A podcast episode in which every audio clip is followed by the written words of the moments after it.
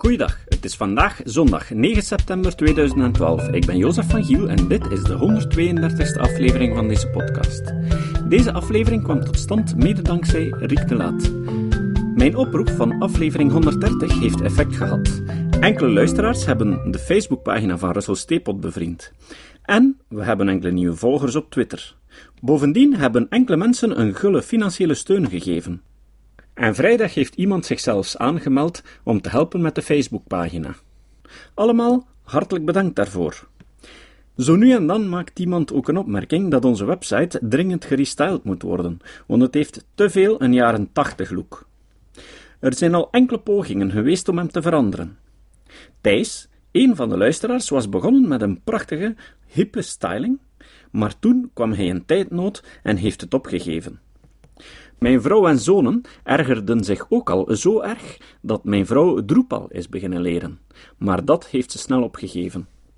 Ik onderhoud de website nog altijd met de simpele ouderwetse HTML-code en een beetje PHP. Ja, ik geef toe. In de jaren 80 ben ik ook zo zot geweest om assembler-programma's te schrijven. Die HTML-code heeft één groot voordeel.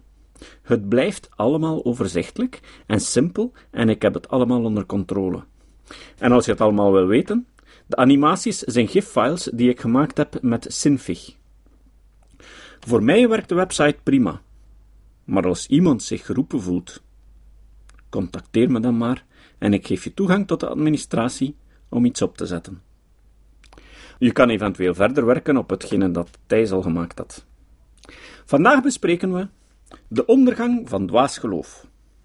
Het originele artikel is van Victor Stenger en is vertaald door Rick de Laat.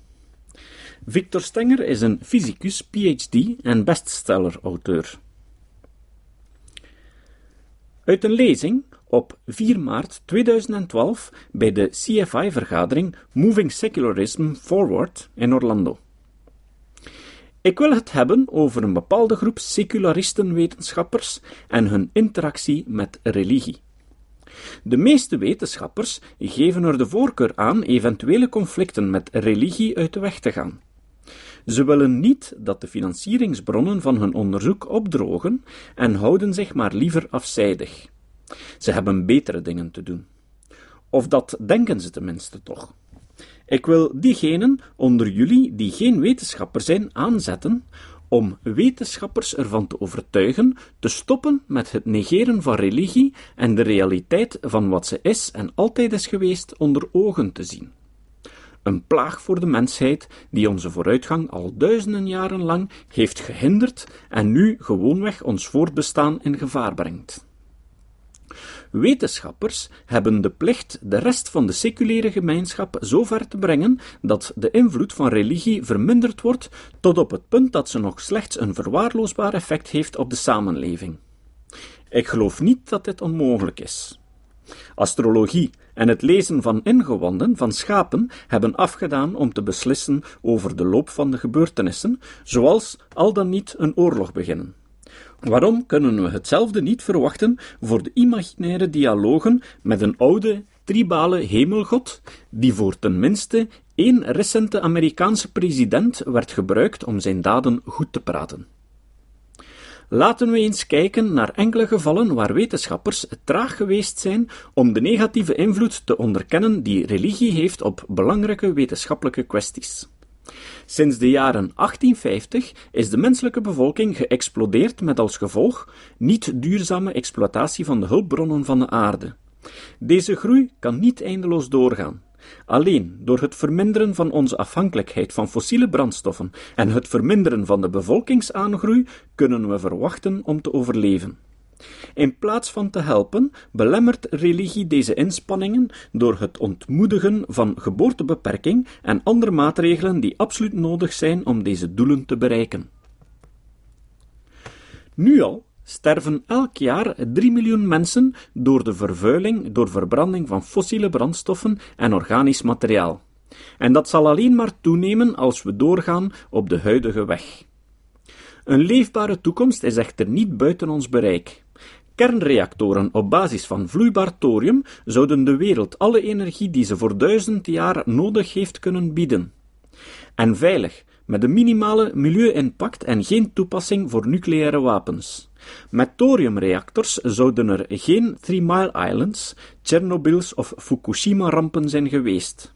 De enige reden dat uranium en plutonium wordt gebruikt in kernreactoren is dat je er bommen mee kan maken. Je kan geen bommen maken met thorium. Zonne-energie zou al economisch concurrentieel zijn met olie, als de economie, de kosten van de schade aan het milieu, de volksgezondheid en van het leger, nodig om bronnen en vervoer te verdedigen, in de olieprijs zou opnemen. Stel je een wereld zonder olie voor. Ik kan het. Waarom slaan we deze al duidelijk door de wetenschap aangegeven wegen niet in? Omdat we sinds het einde van de 19e eeuw woonden in een plutocratie waarin aardolie en andere fossiele brandstoffen vrijwel alle sectoren van onze economie domineren op grond van een enorme rijkdom die zij brengen aan hun producenten en distributeurs. Wat heeft dit nu met religie te maken?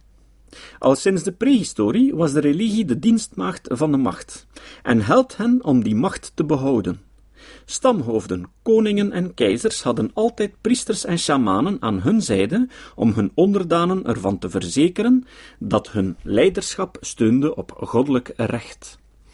In het Amerika van vandaag olien, petrodollars, een grote christelijke propagandamachine die de inspanningen van wetenschappers ondermijnt om oplossingen te zoeken om de problemen zoals de overbevolking, vervuiling en klimaatverandering waarmee wij geconfronteerd worden. Zij maken gebruik van technieken die 30 jaar geleden ontwikkeld werden door de tabaksindustrie om het bewijs dat roken kanker en hart- en vaatziekten veroorzaakt te onderdrukken. En deze technieken maken gebruik van de antiwetenschap die inherent is aan religieus geloof. Een nieuwe techniek die in de afgelopen jaren is toegevoegd aan het arsenaal van de ontkenning van de opwarming van de aarde, is om de klimaatverandering voor te stellen als een theologische kwestie. Ontkenners van de opwarming van de aarde zeggen dat God nooit zou toestaan dat het leven op aarde zou vernietigd worden. Hij gaf de mens immers heerschappij over de planeet. Trouwens, het einde van de wereld komt toch binnenkort, dus maakt het niet uit. Republikeinse politici staan in de voorhoede in de strijd om de klimaatverandering.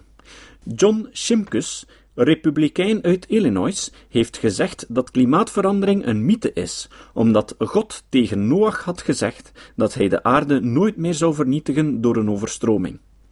Alle republikeinse presidentskandidaten uit de voorverkiezingen hebben ofwel altijd gezegd dat klimaatverandering bedrog is, of namen eerdere verklaringen terug waarin zij toegaven dat de opwarming een feit is. De Cornwall-alliantie voor het rentmeesterschap van de schepping heeft wat zij noemt een evangelische verklaring over de opwarming van de aarde, afgekondigd.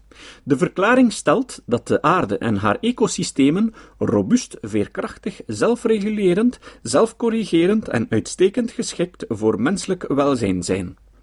En ze tonen de heerlijkheid van God. De verklaring ontkent dat de aarde en haar ecosysteem fragiele en onstabiele producten van het toeval zijn, en dat het klimaatsysteem van de aarde bijzonder kwetsbaar is voor gevaarlijke veranderingen van wat zij noemen minuscule veranderingen in de atmosferische chemie. De Cornwall-verklaring stelt dat er geen overtuigend wetenschappelijk bewijs is dat broeikasgassen afkomstig van menselijke activiteit gevaarlijke opwarming van de aarde veroorzaken. Het ontkent dus dat koolstofdioxide een verontreinigende stof is en beweert dat het verminderen van de broeikasgassen geen significante vermindering van de toekomstige mondiale temperaturen kan bewerkstelligen.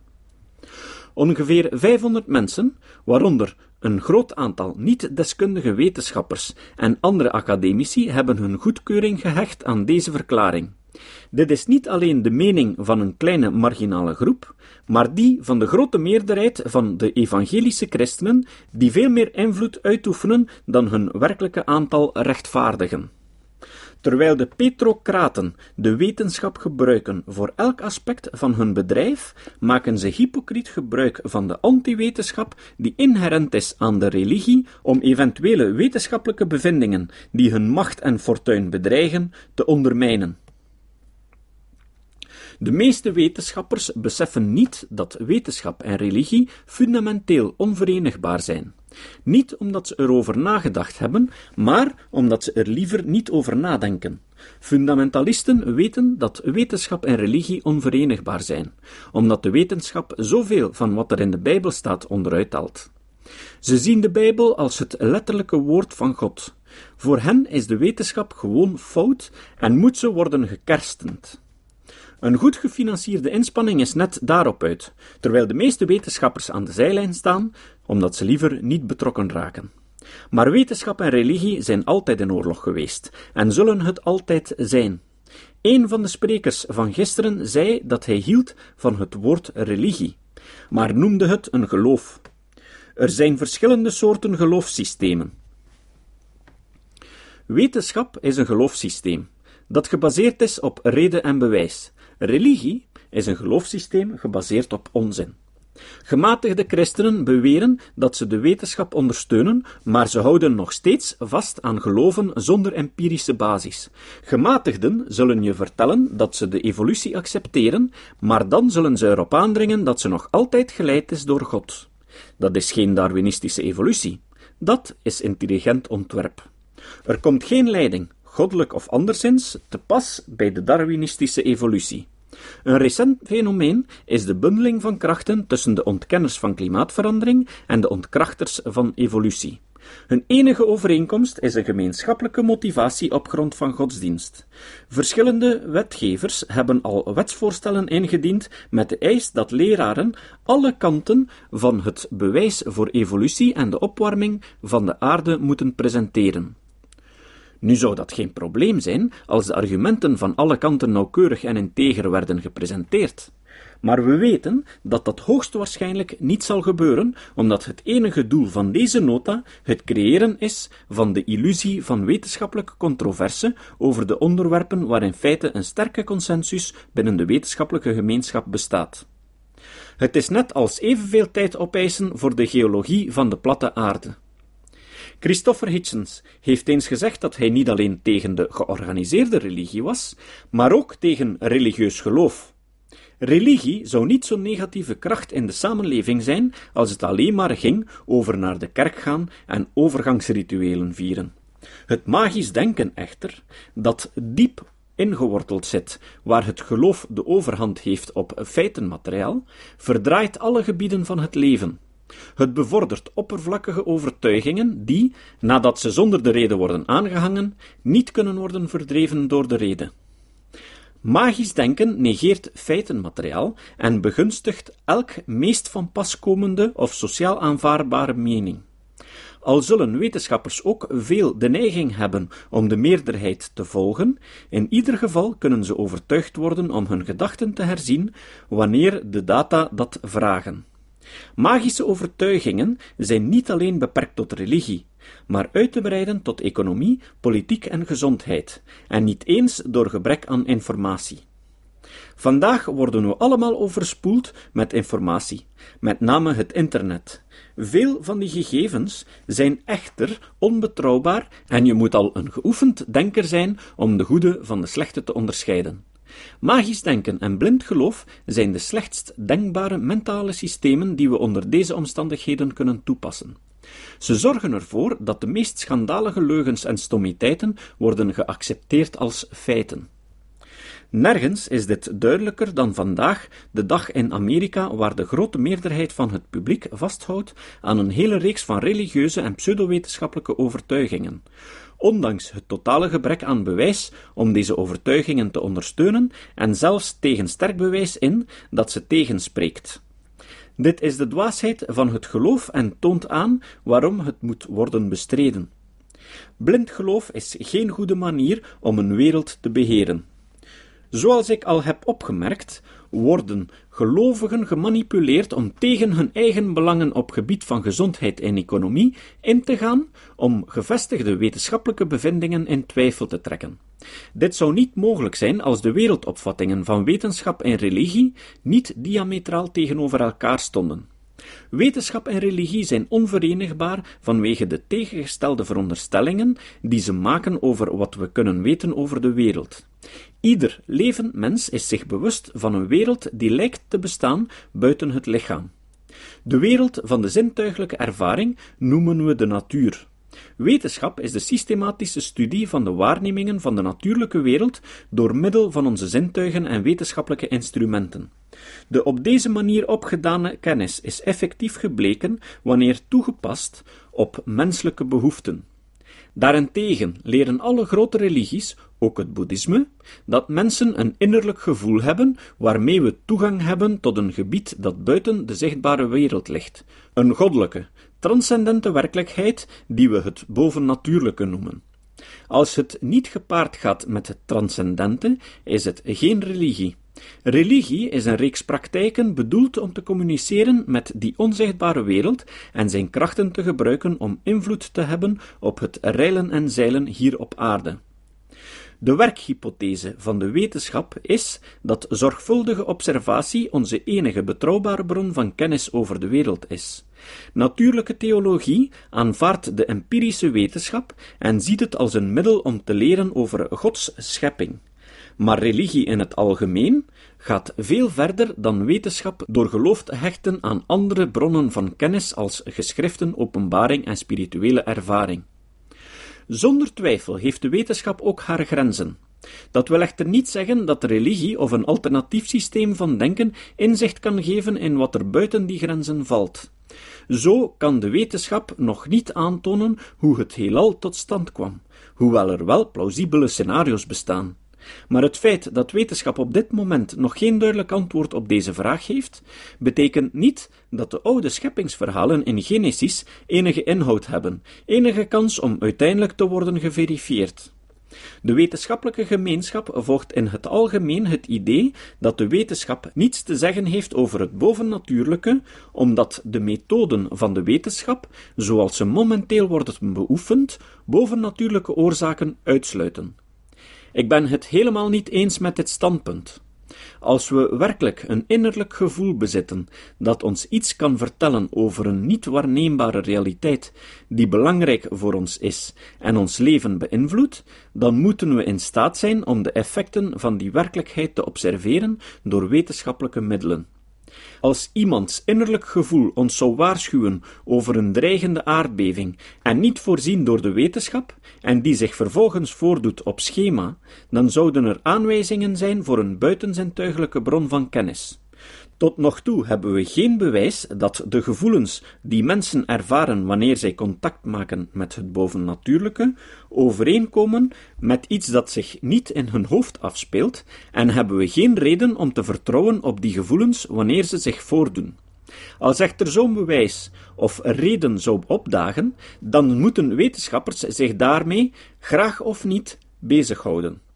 We kunnen die vele ernstige problemen tot stand gebracht door de wetenschappelijke revolutie en de exponentiële explosie in het vermogen van de mensheid om de bronnen van de aarde te ontginnen en mogelijk gemaakt door de erbij horende technologie, niet onder het tapijt vegen. Er zouden geen problemen zijn met overbevolking, vervuiling, opwarming van de aarde of de dreiging van de nucleaire holocaust als de wetenschap dit niet had mogelijk gemaakt. Het groeiende wantrouwen voor de wetenschap in Amerika is op zijn minst gedeeltelijk te begrijpen door het observeren van de schandelijke voorbeelden van wetenschappers in dienst van de olie, voedings-, tabaks- en farmaceutische industrie, die tot de onnodige dood van miljoenen hebben bijgedragen, doordat producten op de markt worden gebracht waarvan deze wetenschappers heel goed wisten dat ze onveilig waren. Maar is er iemand die terug wil naar het voorwetenschappelijke tijdperk waarin het menselijke leven smerig, kort en bruut was? Zelfs vuur was ooit een nieuwe technologie en door de eeuwen heen zijn een hoop mensen omgekomen bij een brand. Maar we gaan door met het aan te steken. Onveilige producten zijn meer dan gecompenseerd door medicijnen, voedsel, medische kennis en technologieën, die ons leven oneindig veel beter hebben gemaakt dan die van mensen in het niet al te verre verleden. Tenminste, in de ontwikkelde landen sterven vrouwen nu nog zelden in het kraambed en de meeste kinderen groeien op tot volwassenheid. Dit was zelfs een paar generaties geleden niet het geval.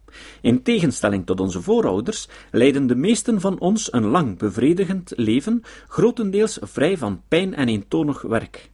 De ouderen zijn zo talrijk dat ze een maatschappelijk probleem geworden zijn. Dit alles is het gevolg van wetenschappelijke ontwikkelingen.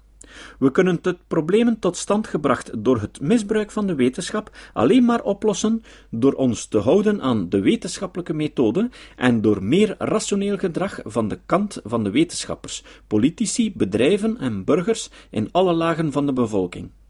Religie, zoals het nu beoefend wordt met de voortdurende focus op gesloten denken en oude mythologie, doet niets om de doelstellingen van een betere en veiligere wereld te ondersteunen. In feite verzet religie zich actief en krachtig tegen dat doel. Religie is ons vertrouwen kwijtgeraakt door zijn herhaaldelijk falen. Met behulp van de empirische methode heeft de wetenschap de pokken geëlimineerd, mensen op de maan gezet en DNA ontdekt. Als wetenschap niet zou werken, hadden we dat niet gekund. Door niet op feiten gebaseerd geloof heeft de religie ons inquisitie, heilige oorlogen en intolerantie gebracht. Religie werkt niet maar toch doen we eraan. Wetenschap vliegt ons naar de baan, religie vliegt ons in gebouwen. Wetenschap denkt er niet aan om haar toewijding aan de waarheid op te geven, en religie denkt er niet aan om haar toewijding aan onzin op te geven. Dat is de reden waarom ik een oproep doe naar alle wetenschappers en denkende mensen om hun aandacht te richten op het verminderen van de invloed van religie in de wereld, met als doel uiteindelijk van dit dwaze geloof af te geraken. De toekomst hangt ervan af. En nu nog een bonustekst. Er is niets mis met Ik weet het niet.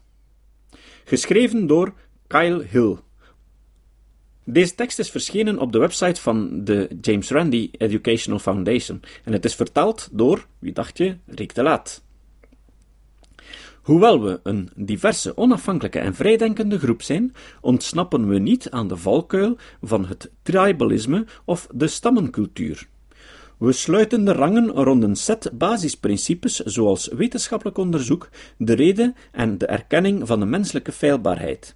Als broeders en zusters rond het kampvuur genieten we van het licht dat de duisternis weert en tegelijk beschermen we het. Dit soort samengaan van gedachten geldt voor elke groep of beweging, hoe jong of losjes gedefinieerd ze ook is.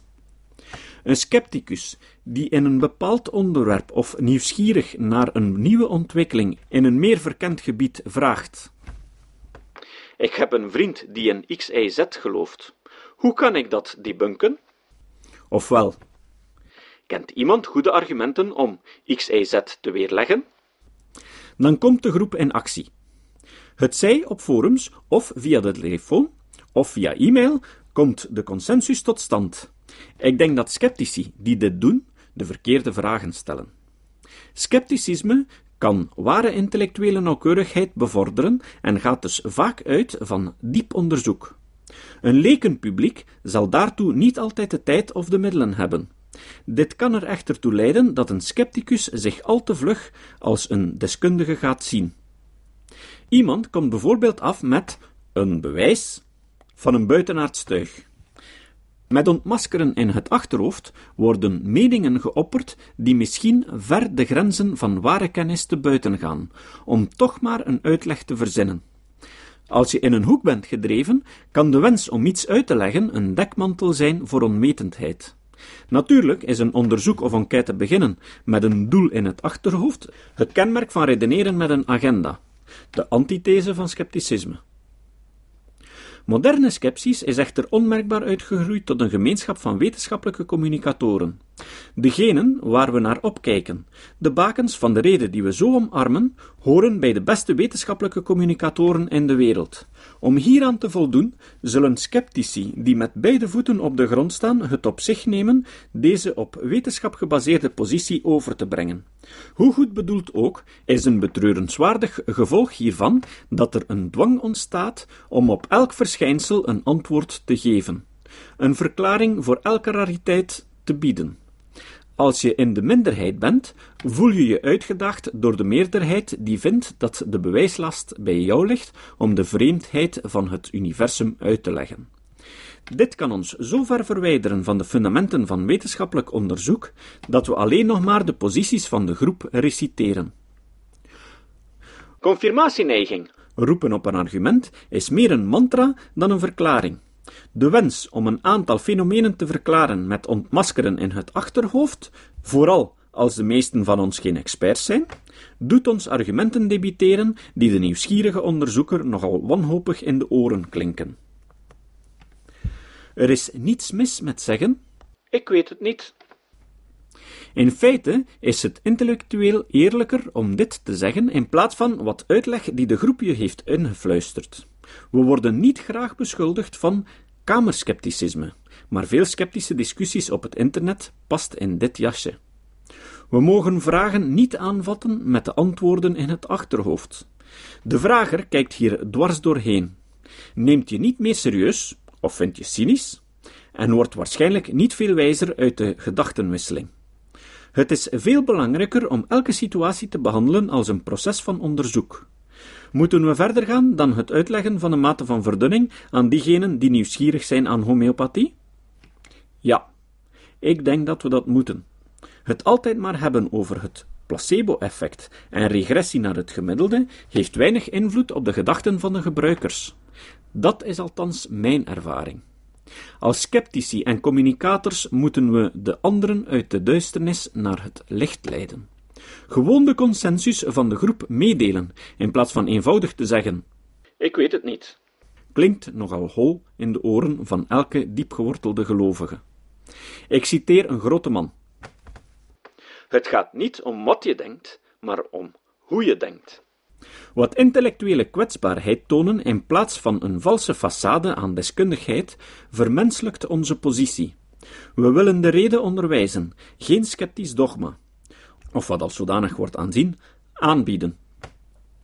En van een ander groot man? Als we een man leren redeneren, zal hij zijn leven lang nadenken.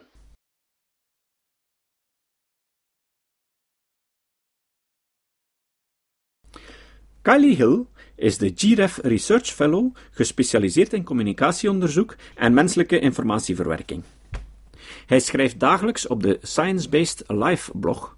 De link vind je op de notitiepagina. Het citaat. Het citaat van vandaag komt van Mark Crislip. Mark Crislip is een medicus gespecialiseerd in infectieuze ziektes. Hij schrijft op de blog Science Based Medicine en heeft een podcast over kwakzalverij genaamd Quackcast, waar hij op een satirische wijze draak steekt met wat hij zelf noemt scam. Supplements Complementary Alternative Medicine. Chrislip zei: Als je fantasie combineert met realiteit, schep je geen realiteit. Als je koeienvlaai mengt met appelvlaai, dan maakt dat de koeienvlaai niet beter. Het maakt de appelvlaai slechter. Tot de volgende keer. Dit was de podcast Kritisch Denken. Vergeet niet om alles kritisch te behandelen, ook deze podcast. Voor verdere informatie over deze podcast, links en voor de tekst, surf naar www.kritischdenken.info. Als je deze podcast belangrijk vindt, kun je me steunen door anderen warm te maken ook eens te luisteren. Stuur een e-mail naar vrienden met een link naar de website en plaats de link in de handtekening van je e-mails. Tevens kun je op iTunes deze podcast een beoordeling geven of een recensie schrijven. Of je kan op je eigen website of blog een link naar kritisch denken plaatsen.